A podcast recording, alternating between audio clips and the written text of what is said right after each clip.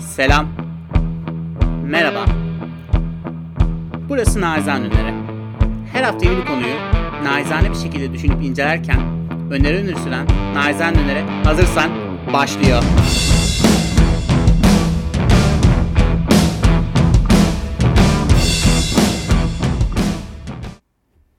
Tekrardan herkese selam, merhaba. Bugünkü podcast'te eminim hepimizin şimdiye kadar üzerinde çok mesai harcadığı İngilizce öğrenmeye, öğrenme hakkında konuşacağım. Önceki İngilizce öğrendiğimizde çok büyük bir bilgi havuzunun içine düşme şansıyla kalıyoruz. Eminim herkes bu havuzu yüzmek istiyor. Ayrıca e, İngilizce yabancı insanlarla tanışmakta, kariyer ve akademik hayatımızda ilerlemekte ve daha birçok alanda fayda sağlıyor.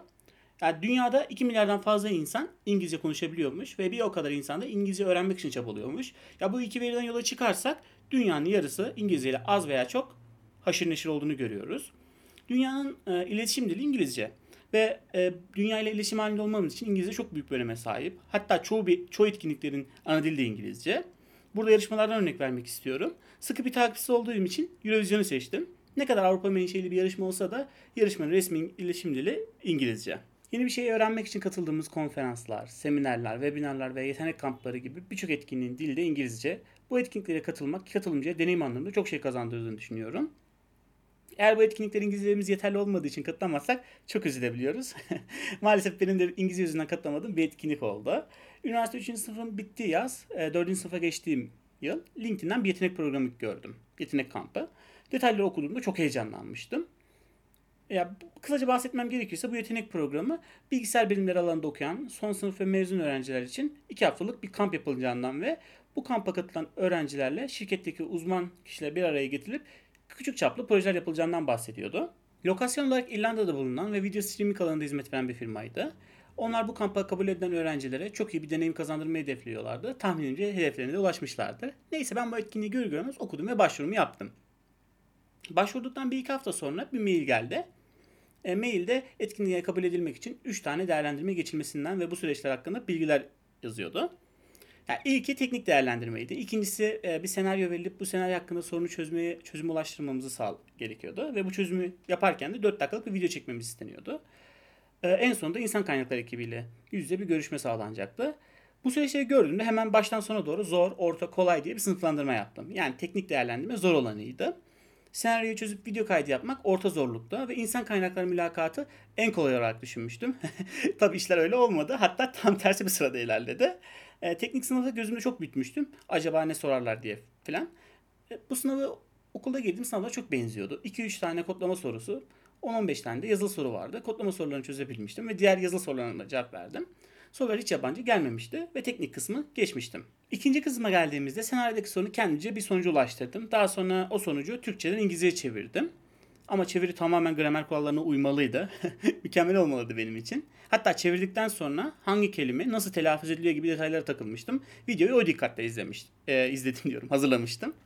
Ya o 4 dakikalık videoyu araştırıp hazırlamak bir günümü almıştı. Neyse videoyu yükleyip göndermiştim. Hala kafamda tam olarak kabul edildiğine dair inancım %50 idi. İlerleyen günlerde ikinci mail geldi. Mailde ikinci aşamayı başarıyla geçtiğimi ve son aşamayla ilgili detaylar yazıyordu. E, fakat kafamda zor orta kolay sınıflandırması hala devam ettiği için e, kendimi son aşamaya geçerim diye inandırmıştım. Çünkü ilk iki aşama zor ve orta kısmıydı. Geçti, e, geçtiğim için rahatım. Hani kolay kısmı hallederim tarzında e, hareketler sergiliyordum.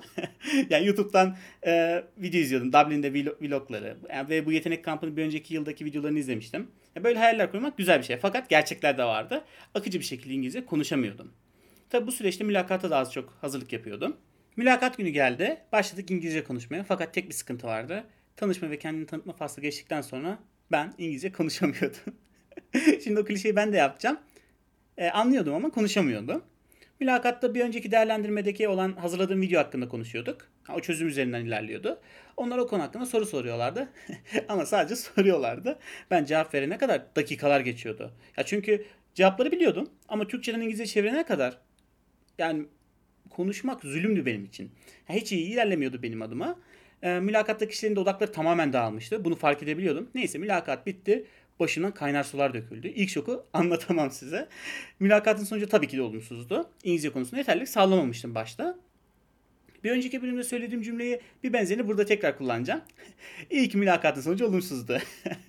Çünkü o güne kadar İngilizce konuşmayı önemli bulmuyordum. Sadece İngilizce öğrenmemdeki amaç e, okuduğumu ve dinlediğimi anlamak, okuldaki sınavlara yetecek kadar İngilizce bilmekti. Ama amaçlarım arasında hiç İngilizce dilinde iletişim kurmak yoktu. Başıma böyle olaylar geldiğinde bende barge süreci başlar. Bu konunun derinine inmem gerekir. o zamanlar İngilizce öğrenmeyle ilgili videolar izlemiştim, podcastler dinlemiştim. Hatta iki tane de kitap okumuştum. Kitapların bir tanesinde İngilizce öğrenmenin nedenine odaklanmıştı.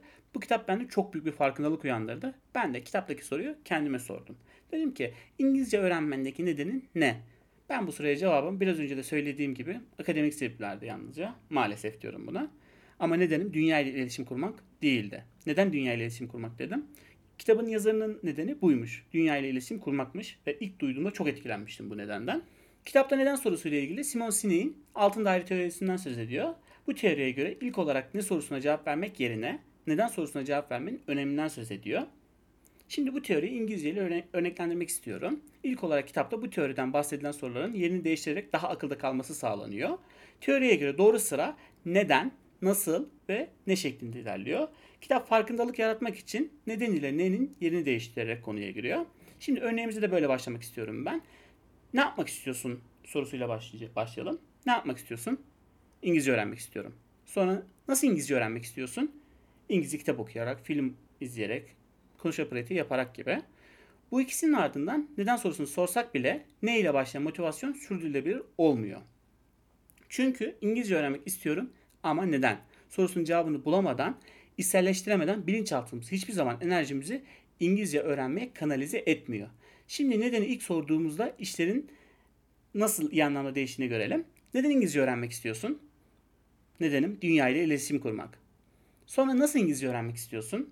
İngilizce kitap okuyarak, film izleyerek, konuşma pratiği yaparak gibi. Ve en son sorumuz ne yapmak istiyorsun? Bunun için İngilizce öğrenmek istiyorum. Ya aradaki farkı görünce çok şaşırmıştım. Simon Sinek hatta şöyle diyor.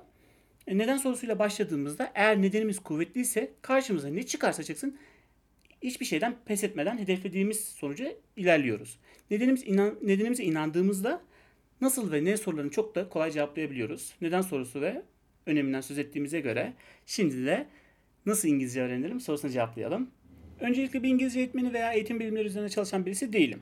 Burada nasıl İngilizce öğrenir sorusunu kendi hayatımda yaşadığım deneyimler, İngilizce öğretmenlerim ve İngilizce ana dili gibi konuşan arkadaşlarımdan aldığım öneriler doğrultusunda cevaplayacağım.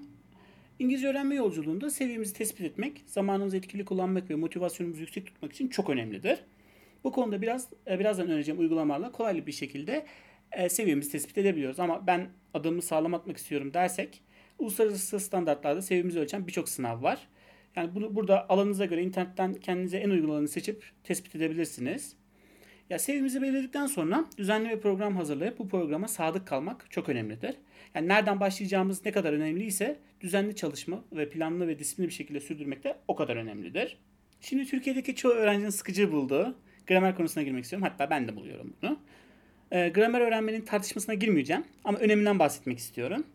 İngilizce öğrenme yolculuğumuzda tabiri yerindeyse İngilizcemizin temelini oluşturmasında ve güçlendirmesinde yatsınmaz bir öneme sahip. Tek başına yeterli olmadığını hepimiz biliyoruz ve çoğumuz deneyimlemiştir. Ben deneyimledim şahsen. Gramer konusunda çalışırken mutlaka İngilizce'deki temel kelimelerle beraber çalışmalıyız. Yani bu çok önemli bence. Ee, peki e, dizi izlemek, şarkı dinlemek, podcast dinlemek veya kitap okumak yeterli olacak mı? Tabii ki hayır. İngilizce konuşabilmek veya bu dili beynimize kazımak istiyorsak bu dilde üretim yapmalıyız. Yani yazı yazmalıyız, konuşma pratiği yapmalıyız.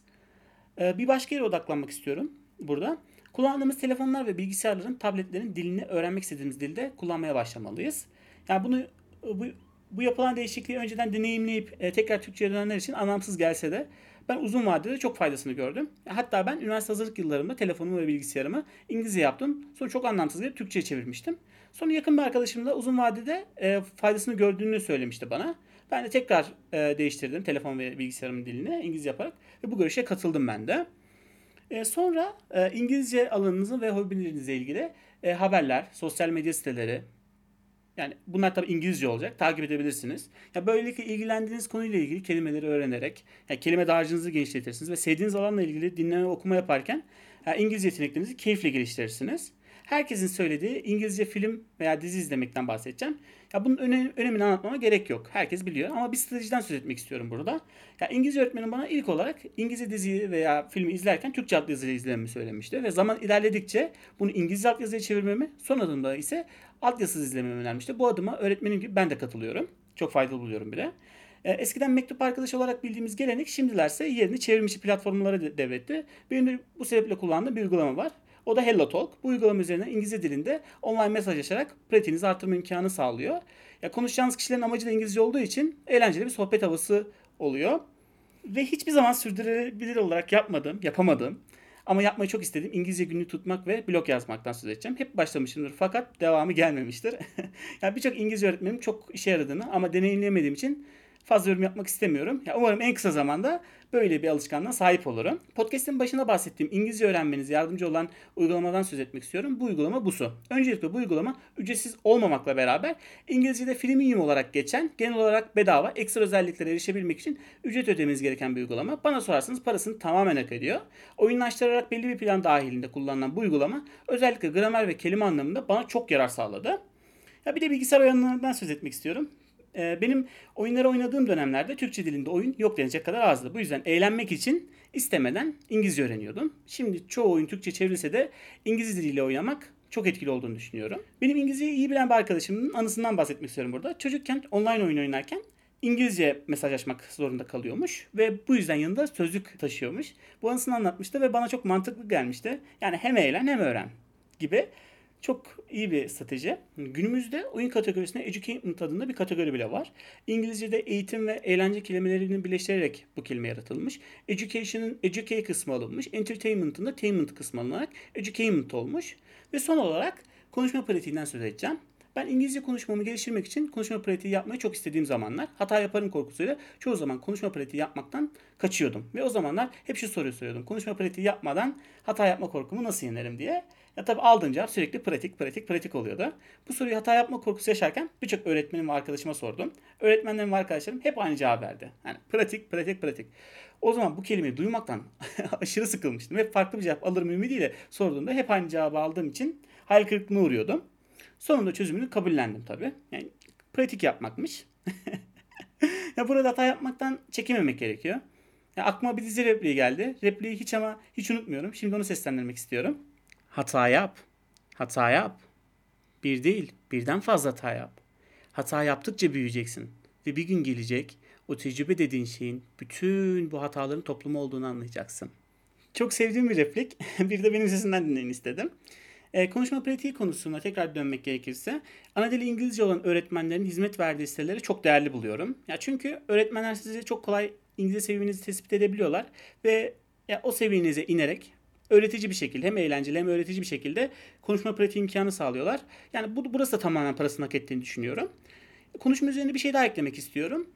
E, sesli İngilizce metin okumak çok faydalı olduğunu düşünüyorum. Ben günde sadece 6 dakika yaparak bu alışkanlığımı devam ettiriyorum. Genelde internetten buna İngilizce haber oluyor veya konuşma metni oluyor. Çok faydasını gördüm bugüne kadar. E, son olarak İngilizce hakkında size naçizane kitap, podcast, TEDx videosu önermek istiyorum. Bu sefer iki kitap önereceğim. Bak böyle bir içimden geldi bu sefer. Tabii işin şakası. E, podcast'in başında bahsetmiş olduğum kitap Perçin İmre'nin İngilizce Öğrenmeyi Öğreniyorum kitabı. Ve Cem Balçıkanlı'nın 50 soruda dil öğrenme kitaplarını öneriyorum size. Bu kitabı da çok değerli buluyorum.